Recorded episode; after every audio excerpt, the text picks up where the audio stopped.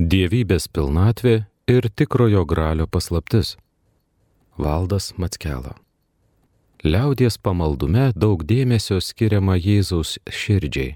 Birželį ypač kaimuose mėgstama renkti birželinės pamaldas. Liturgijoje gerai žinoma Jėzaus širdies litanija, kurioje gerai skleidžiasi liaudiška teologija, švenčiausiojo Jėzus širdžiai dedikuotos gražiausios šventovės, pavyzdžiui, geriausiai žinoma Jėzaus širdies katedra Paryžiuje, kuri, galima sakyti, yra dvasinė Prancūzijos širdis. Be to, veikiausiai kiekvienas iš vaikystės prisimename Jėzaus širdies paveikslą. Tiesą pasakius, anuomet net su baime žvelgdavau į paveikslėlį, kuriame buvo pavaizduota erškiečiais vainikuota Jėzaus širdis, tačiau kartu žvelgdamas į jį patirdavau ir Dievo artumą. Taigi, iš kur kyla pamaldumas švenčiausiai Jėzaus širdžiai? Jau bažnyčios tėvų raštuose galima rasti užuominų apie šį pamaldumą, ypač Kristaus nukryžiavimo scenos iš Evangelijos pagal Joną komentaruose. Veikiausiai bažnyčios tėvai ir padėjo pagrindus viduramžiuose išpopuliarėjusiam pamaldumui. Svarbu paminėti, kad maždaug XII amžiuje kilo maldingumas Jėzaus žaizdoms. Be abejo, šį pamaldumą įkvėpė ir šventieji gavę stigmas - šventasis Pranciškus Asižėtis ir šventa Kotrina Sienietė, kuri beje nemažai prisidėjo prie maldingumo Jėzaus širdžiai. Dar viena šventoji turėjusi stigmas - šventa Gertrūda gyvenusi Vokietijoje. Jie prašė momentą, kai atsivėrus stigmoms ji pajutė, kaip širdį perveria iš Kristaus širdies sklindanti šviesa. Pamaldumas Jėzaus širdžiai taip pat susijęs su viduramžiais paplitusiu Kristaus kančios kultu, tai yra dėmesiu kenčiančiam Kristui. Iki XII amžiaus katalikiška tradicija buvo labai panašiai bizantiška, kai netgi ant kryžiaus dažniausiai būdavo vaizduojamas šlovingas prisikėlęs Kristus. Tik nuo XII amžiaus lotyniškoji vakarų tradicija pradėjo labiau akcentuoti kenčiantį Kristų, tuomet keitėsi ir Jėzaus vaizdavimas bei maldingumo praktikos. Iš čia kyla ir katalikiškos bei rytų mistikos skirtumas. Jei rytų mistika yra taboro kalno šviesos mistika, Kristaus dieviškumo išgyvenimas ir jo šlovės patyrimas dar šiame pasaulyje, tai vakaruose dauguma mistikų ypatingai išgyveno Kristaus kančią. Viduramžiais buvo itint pabrėžiamas pervertos Kristaus širdies vaidmuo ir daugelis šventųjų mistikų medituodavo šį vaizdinį kaip pasaulio nuodėmės sužeidžiančios Dievo sūnų simbolį. Be to, ši širdis yra gailestingumo šaltinis. Drauge su pamaldumu Jėzaus širdžiai išplito ir tam tikras Jėzaus vaizdavimas. Jeigu nuvyksime į Žemaičių kalvarijos atlaidus, pamatysime prekiautųjų paveiksliukais, kuriuose dažnai vaizduojama būtent Jėzaus širdis Veikiausiai toks Kristaus vaizdavimo būdas atlaiduose yra dažniausiai sutinkamas. Taigi šis maldingumas labai liaudiškas, tačiau yra ir mistinis jo matmuo. Galima kelti klausimą, kodėl susitelkiama būtent į Jėzaus širdį, kodėl negalima melstis tiesiog Jėzui. Galiausiai kyla klausimas, o ką reiškia žodis širdis? Nuo širdies prie asmens dažnai vartojame žodį širdis visai nekūniška prasme. Pavyzdžiui, pasakymas skauda širdį paprastai reiškia nesušlubavusią sveikatą, bet emocinius išgyvenimus ar dvasinius sukretimus. Drauge širdis simbolizuoja meilę ir pats maldingumas Jėzaus širdžiai yra Kristaus meilės, kuri myli netgi kentėdama dėl nevertinančių jos kančios akcentavimas. Toks motyvas labai dažnai pasitaiko tarp mistikų, kurie kalbėjo apie Kristaus širdį, sakydami, kad žmonės nėra pajėgus atsakyti į dievišką meilę ir šis netoligumas tarp to, kaip myli Dievas ir kaip myli žmogus, atsispindi pervertoje Kristaus širdyje. Žmogus nuolatos žaidžia, o Dievas vis vieną jį myli. Šventasis Pranciškus yra pasakęs, kad meilė nėra mylima. Tas pasakymas paskui atsikartojo daugelio šventųjų išgyvenimuose, regėjimuose. Veikiausiai mistinis suvokimas, kokie esame menki, neverti ir nesugebantys mylėti dieviškos meilės akivaizdoje ir yra tikras Dievo meilės patyrimas. Taigi šis pamaldumas, jeigu yra nepaviršutiniškas, o tikras ir gilus, nuo mylinčio širdies veda prie artimesnio Jėzaus atradimo, nuo mylinčio širdies prie jo meilės. Lietuvių kalboje medis turi šerdį, o žmogus širdį. Tai, kas yra centre, reiškia pačią esmę. Todėl jeigu artėjame prie Jėzaus širdies, artėjame ir prie suvokimo, kas jis iš tikrųjų yra, artėjame prie pačios esmės. Be to, lietuvių kalboje panašiai skamba žodžiai asmuo ir esmė. Taigi, Jėzaus širdis atskleidžia dieviškai Jėzaus asmenį. Pagal katalikų teologiją Jėzus turi žmogišką ir dievišką prigimti, bet asmuo yra vienas dieviškas. Nors dėl Jėzaus žmogiškumo dieviškasis asmuo nėra regimas, Jėzaus širdis yra tas dieviškasis asmuo, prie kurio galime bent truputėlį priartėti. Taip mylėjo žmonės. Prie maldingumo Jėzus širdžiai puoselėjimo labiausiai prisidėjo vienuolė Šventoji Marija Margarita Alakok, gyvenusi Prancūzijoje XVII amžiuje.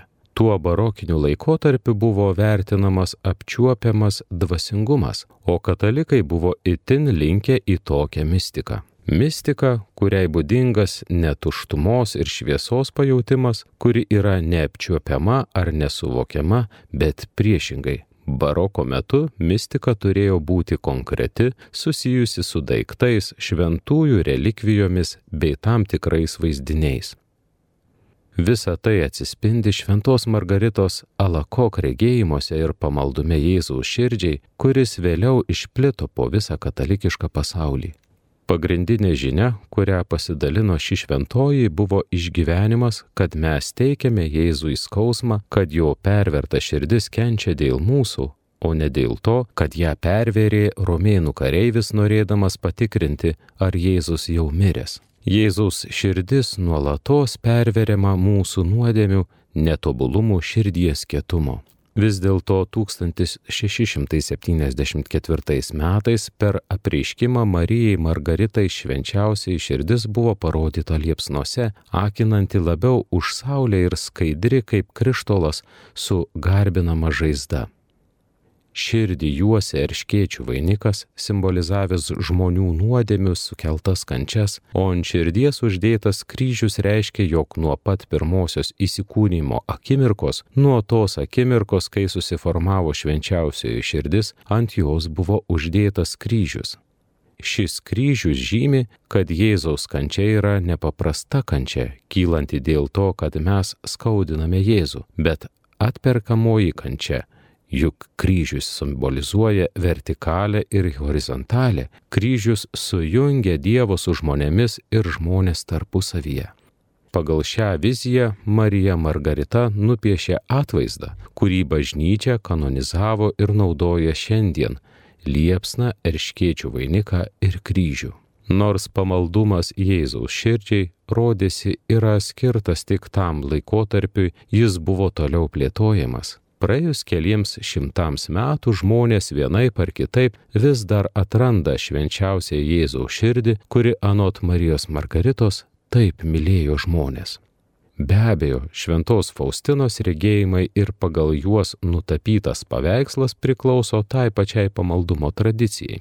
Tai maldingumas atverta Jėzaus širdžiai kaip tyram šaltiniui, iš kurio plaukia paguoda, palauštai sielai, o drauge ir gailestingumo patyrimas. Šventoji Faustina regėjimuose matė šviesą sklindinčią iš Jėzaus širdies, spindulius, simbolizuojančius kraują ir vandenį, bet ji nebuvo pirmoji su tuo susidūrusi. Panašu, kad mistiniam šventos Faustinos patyrimui įtaką padarė jau kelis šimtus metų besitęsiančios maldingumo praktikos. Tai nebuvo apsireiškimas tuščioje vietoje. Reikia pastebėti, kad šventųjų regėjimuose yra ir žmogiškumo dalis, kuri atspindi jų gyvenimo laikmetį, tad kai kurie šiandien neįprasti dalykai gali mus stebinti. Kalbant apie maldingumo tradicijas, bažnyčiai būdingas dviejopas judėjimas. Iš viršaus į apačią, kai bažnyčia moko, aiškina šventai raštą, skelbia dogmas ir iš apačios į viršų, kai tikėjimo praktikos atsiranda tarp paprastų žmonių vienolyno celėse, kaimo bendruomenėse ir tik vėliau pasiekia Romą. Būtent taip nutiko su maldingumu Jėzaus širdžiai. Iš pradžių tai buvo liaudiškas pamaldumas, kuris tik po kelių šimtų metų pasiekė Romą. XVIII amžiuje oficialiai patvirtinta speciali liturgija bei Jėzaus širdies mišios. Reikia paminėti, kad ši tradicija labiausiai paplito Prancūzijoje ir Lenkijoje. Lietuvoje ji taip pat itin stipri dėl kaimynės Lenkijos įtakos, mūsų tradicijos labai panašios. Taigi 1833 metais buvo pirmą kartą švenčiamas švenčiausios Jėzaus širdies mėnuo Vėliau popiežiai paskelbė Jėzaus širdies šventę aukštesnio rango švente, o popiežius Pijus IX paragino katalikus pasišvesti Jėzaus širdžiai. Dar daugiau, popiežius Leonas XIII visą birželį paskatino skirti šiam maldingumui ir visą pasaulį pašvesti Jėzaus širdžiai. Šis popiežius labai rūpinosi pasauliu, kuris rodėsi ritasi į pražūtį. XIX amžiaus pabaigoje Leonas XIII jau atpažino tendencijas, kurios XX amžiuje žmonija atvedė prie dviejų pasaulinių karų ir daugybės prarastų gyvybių. Tai suprasdamas jis ragino visus katalikus aukoti pasaulį švenčiausiai Jėzaus širdžiai. Be to, Šį kasmetinį paukojimą atnaujino popiežius Pijus X, o Pijus XI nurodė tai atlikti per Kristaus karaliaus šventę.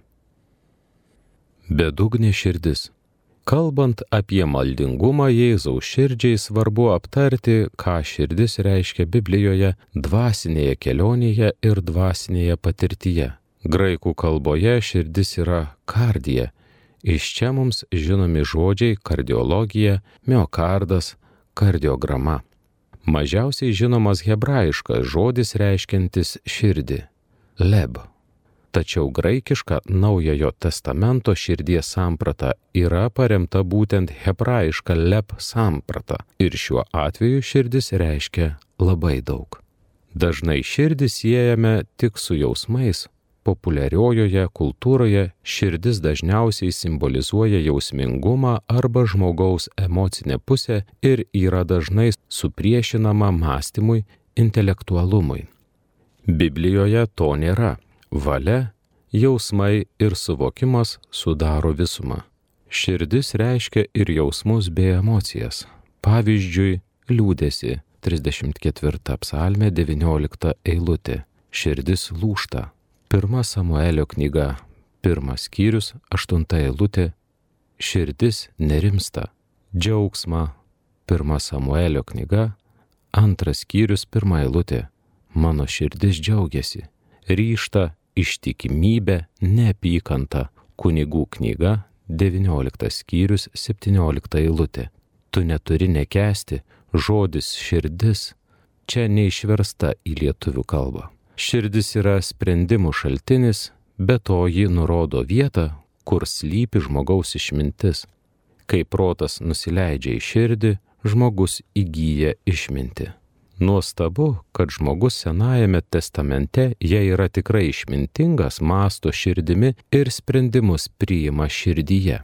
Žmogus yra vientisas, dėl to kalbėdami apie širdį, kalbame apie visą žmogų ir apie pačią žmogaus esmę, visą esybę, kuri yra jo protinės ir emocinės veiklos centras. Taigi, nors šiandien širdis priešinama protui, Senojo testamento širdies samprata reiškia, kad žmogus yra vientisas ir pati žmogaus esmė yra vientisa. Kitaip tariant, žmogus nėra padalintas tarp proto ir jausmų, bet turi esmę pranokstančią tiek protą, tiek jausmus. Tai galima numanyti yra dvasinė žmogaus esmė, kuri priima Dievo žodį, o jis paliečia būtent žmogaus širdį ir joje įvyksta pasikeitimas, atsivertimas. Graikiškai metanoja. Žinoma, žmogus gali užkietinti širdį, bet aš užkietinsiu jo širdį ir jis neleis tautai išeiti. Išėjimo knyga, ketvirtas skyrius, 21 eilutė. Gali nutolti nuo Dievo, kadangi ši tauta tik liežuviu tesiartina prie manęs, vien tik lūpomis te garbina mane, jos širdis yra nutolusi nuo manęs. Izaijo knyga 29 skyrius 13 eilutė. Bet Dievas savo žodžiu siekia atverti, atnaujinti žmogaus širdį, kaip sakoma 51 psalmėje 12 eilutėje. Padaryk manyje, o Dieve, skaiščią širdį. Taigi širdis yra mūsų santykius su Dievu organas, Dievas kreipiasi į mūsų širdį ir ją atveria. Be to galima sakyti, kad širdis yra vidinis žmogus. Ji nėra paprastai matoma perregima, Tik Jėzus turėjo dovaną matyti, kas yra žmogaus širdyje, jam dar neprabilus. Toje širdyje mintis, troškimai ir atmintis. Žmogus mato tik išorinius dalykus, dėl to yra linkęs spręsti pagal išorę, tačiau tik Dievas gali būti teisėjas, jis vienintelis mato žmogaus širdį. Jėzus sako, neteiskite, kad nebūtumėte teisiami. Evangelija pagal Luką 6 skyrius 37 eilutė. Daugybė šventųjų bažnyčios tėvų, dikumos tėvų primena, jog negalima spręsti apie žmogų iš išorės, nes galime suklysti. Mūsų vertinimas visuomet yra labai ribotas. Žmogaus širdis yra begalinis pasaulis, kaip sako Biblija. Žmogus - gelmė, o širdis jo bedugnė 64 psalmė 7 eilutė. Tačiau tuo nenorima pasakyti, kad žmogus yra labai gilus, nes bedugnė iš tiesų yra chaosas, kuris buvo pačioje pradžioje ir Dievo dvasia skrajojo virš jo. Chaosas tai mumyse esanti guduma, geismai, sumanimai, siekiai, apgailestavimai, kurie vienas kitam prieštarauja ir kovoja tarpusavyje. Šioje gelmėje bedugnėje yra labai daug galimybių. Chaosas gali taip ir likti chaosu, kai mūsų troškimai, mintis, begalė visokiausių norų, troškimų lieka nesuvaldyti. Tačiau Dievo dvasia gali nukreipti tą chaosą į kosmosą ir tai, kas pinasi žmoguje, sutvarkyti.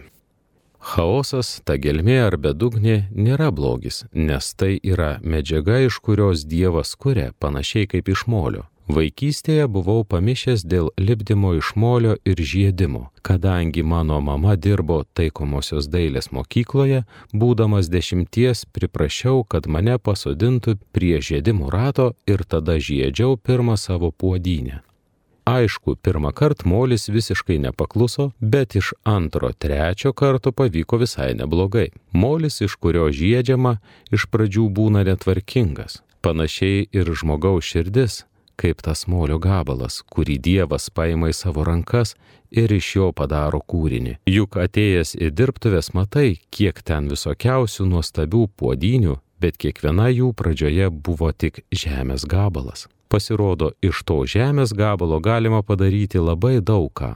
Tad ir visi dalykai, kurie yra žmoguje, mintis, norai, troškimai, nėra blogai, tiesiog tai turi būti atiduota į Dievo rankas ir nukreipta tinkama linkme, kitaip viduje susipjaus katės ir įvairūs norai ims draskytis tarpusavyje, o žmogus taip ir liks toje tuštumoje ir bedugnėje. Dvasinis viduramžių rašytojas vienuolis Kartūzas Gvigonas savo dvasinę širdies būklę lygina su žeme, kurią Dievas gali prikelti gyvenimui. Savo sielą jis nusako kaip tamsybėse skendinčią bedugnę, Tokia yra mano siela, Dieve mano, tokia mano siela. Dika ir tuščia žemė, neižvelgiama ir padrika, neižvelgiama ir padrika ir tamsybės virš bedugnės.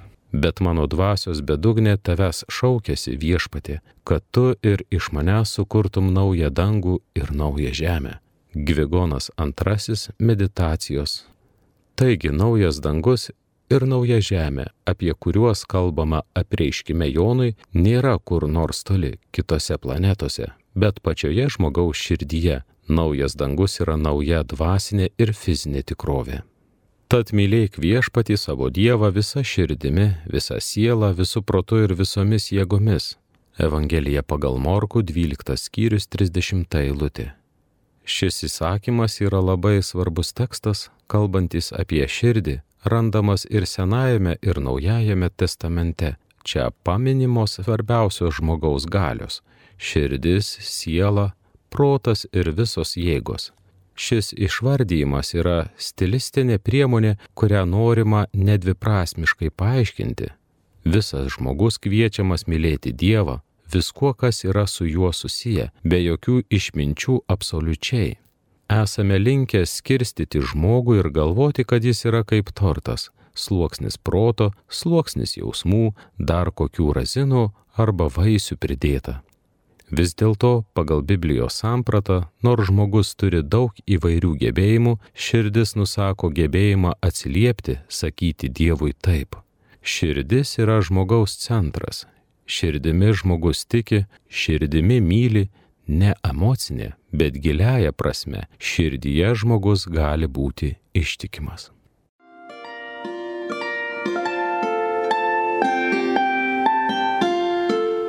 Jūs girdite Marijos radiją.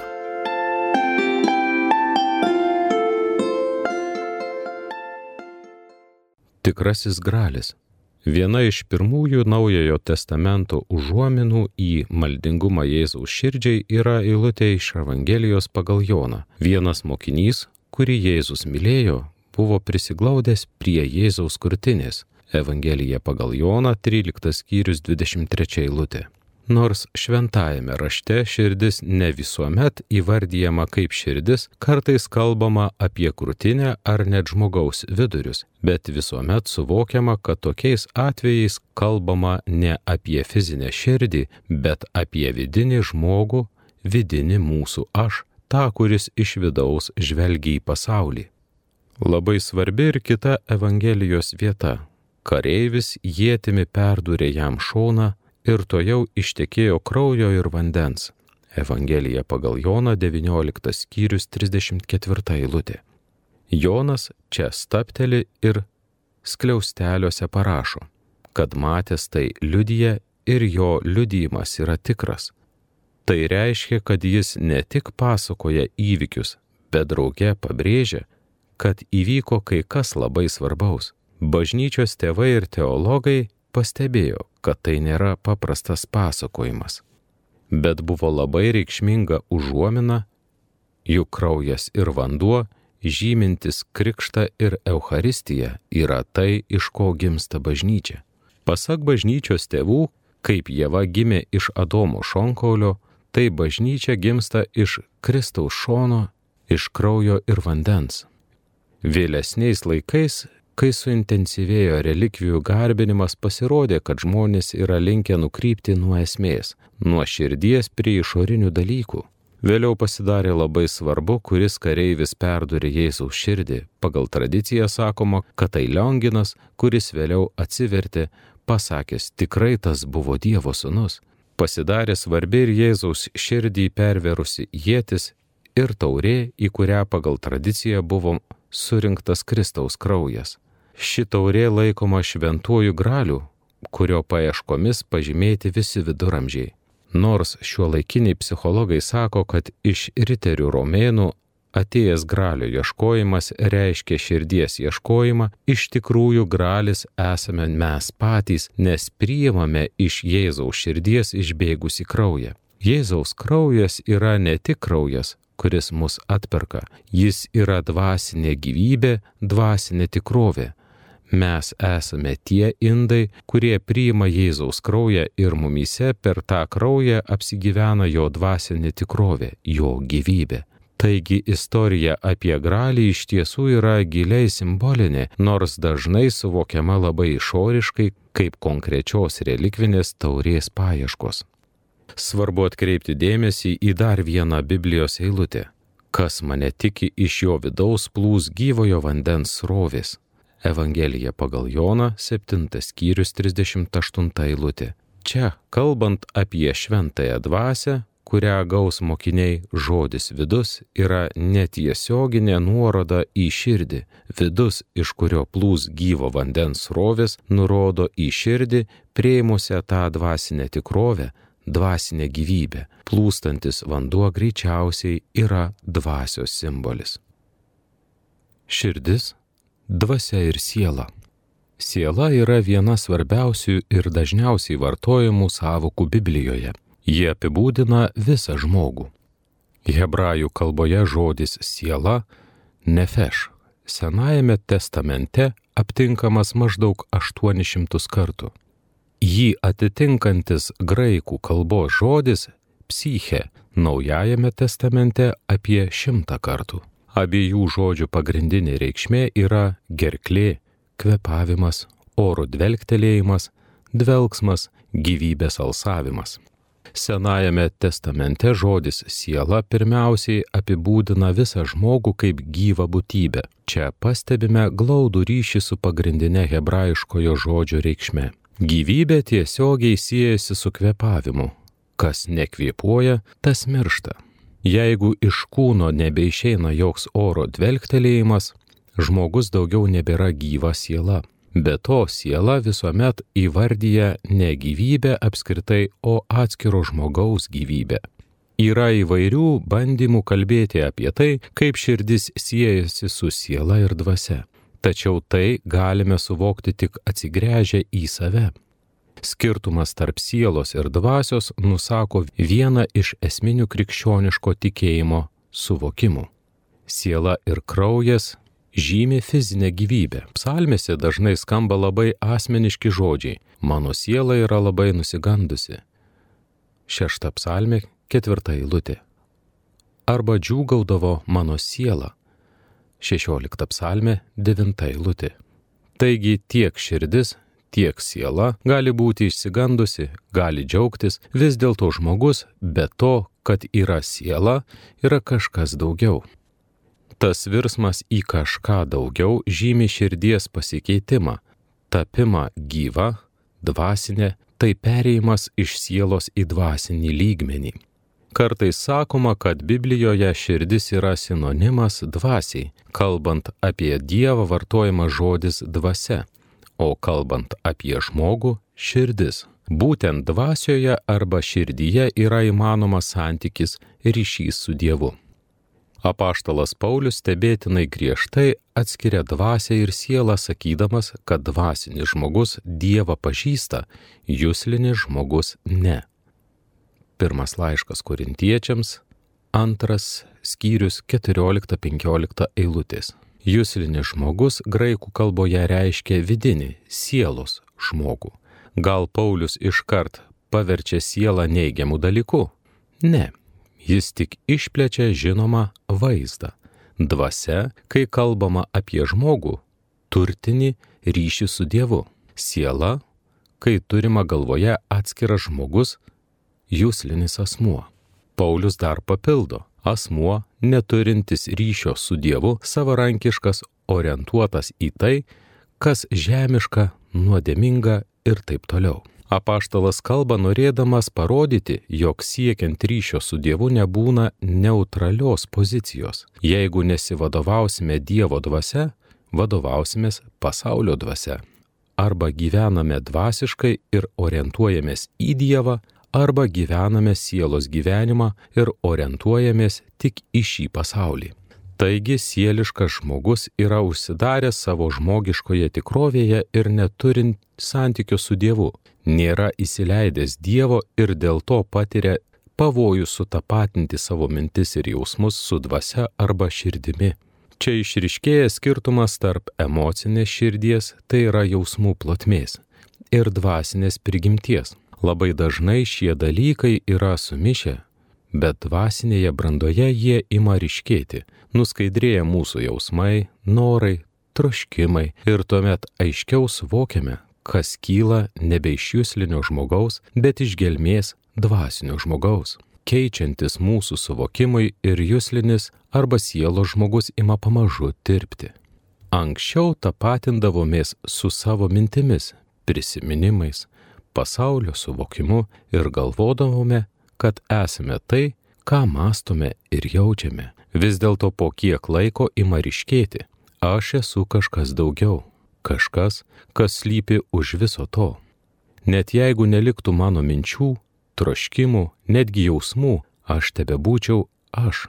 Žinoma, daugybė istorijų apie žmonės praradusius atmintį, nors nieko neprisimena, nebepažįsta, nebeturi visos buvusios patirties ir yra tarsi tobula rasa, jie vis dar tebėra jie.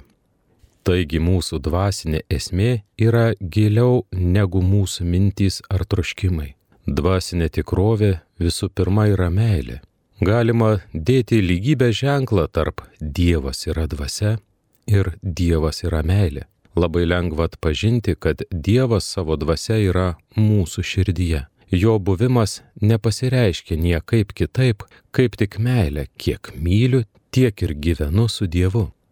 Žinoma, didžiausia problema - suvokti, ką reiškia mylėti taip, kaip Dievas. Pamaldumas Jėzaus širdžiai gali padėti, leisti, kad Dievas mumise mylėtų taip, kaip Jis myli Jėzuje Kristuje. Taip mūsų širdis gali darytis panaši į Jėzaus širdį, kaip sakoma toje trumpoje maldoje. Jėzau, padaryk mano širdį panašiai į savo širdį. Uragano ramybė. Kalbant apie Jėzaus širdį, svarbu paminėti širdies maldą, kuri taip pat labai daug pasako apie tai, kas yra mūsų širdis. Vienas pirmųjų mano vertimų, tiesa taip ir nebaigiau versti, yra Jano Lefrance knyga širdies malda. Apie hesichastinę tradiciją. Autorius savo knygą pradeda tokiais žodžiais. Ar jau esate užklupę besimeldžiančią savo širdį? Paradoksalu, nors širdis esame mes, bet mūsų širdis gali melstis be mūsų. Pati mūsų dvasinė esmė šaukėsi Dievo, nes panašus traukia panašų. Širdies gelmėje yra Dievo dvasia, kuri šaukėsi Dievo. Tik ar mes girdime, kaip mūsų širdis nori melstis?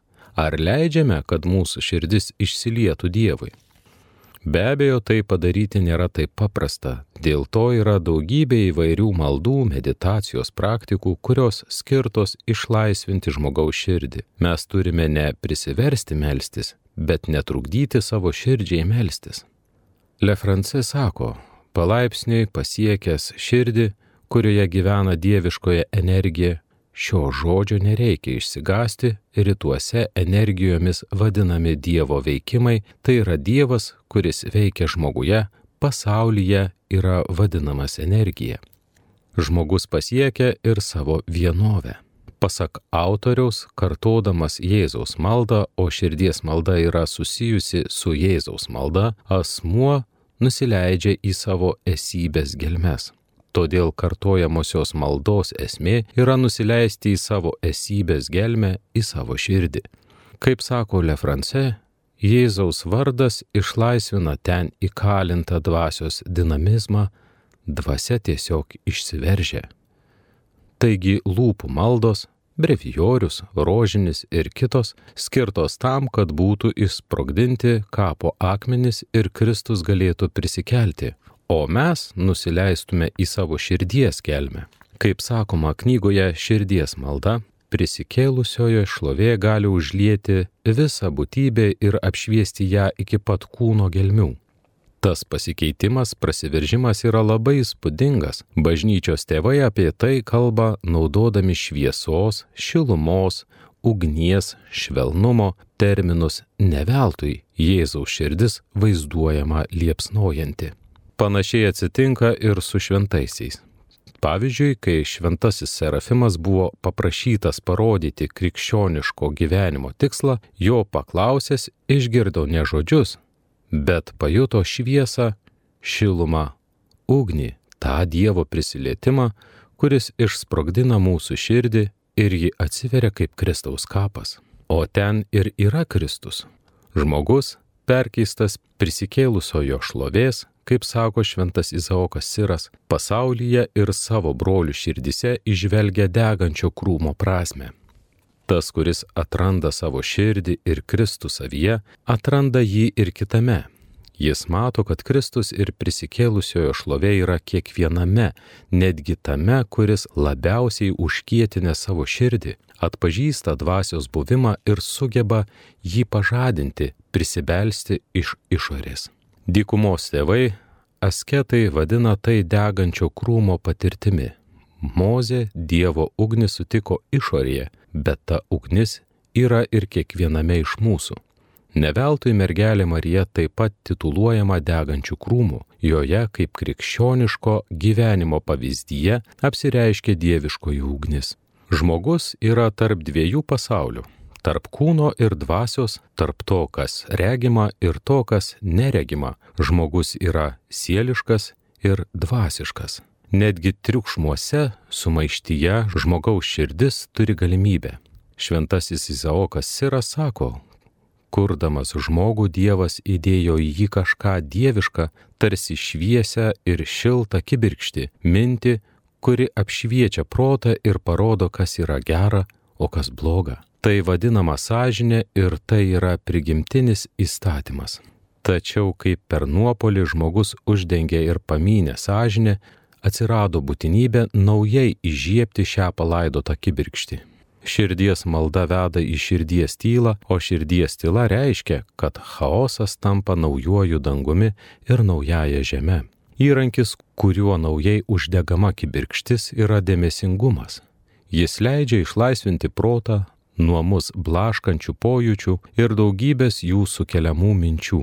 O kai jos nurimsta ir ateina tyla, ramybė, tai galima vadinti ir Dievo regėjimu ir beistriškumu, patiriamas nuščiuvimas, tarytum būtum uragano centre. Kartą mačiau laidą apie uraganus.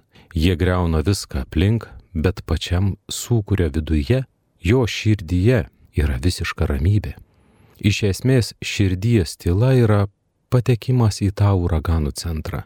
Neveltui Atono kalno vienuoliai žvelgia į banguojančią jūrą. Pasaulis aplink mus yra tarsi nerami jūra, bet mūsų tikslas - atsidurti uraganų centre, kur mūsų ramybės niekas negali sudrumsti. Kas be atsitiktų, jeigu esame širdies centre, išliksime toje ramybėje. Niekas, jokia kančia ar nelaimės negalės jo sudrumsti. Be abejo, mes toliau mastome, jaučiame, kenčiame ir džiaugiamės, bet giliai širdyje yra tyla. Medituojant Jėzaus širdį, kartojant litanijos žodžius, galime artėti link širdies tylos centro, turbūt tai ir yra visų maldingumų prasmė. Dievybės pilnatvė ir tikrojo gralio paslaptis - Valdas Matskela parengė Dalė Matskelienė ir Faustina Elena Andrulytė, skaitė Jonas Lamauskas.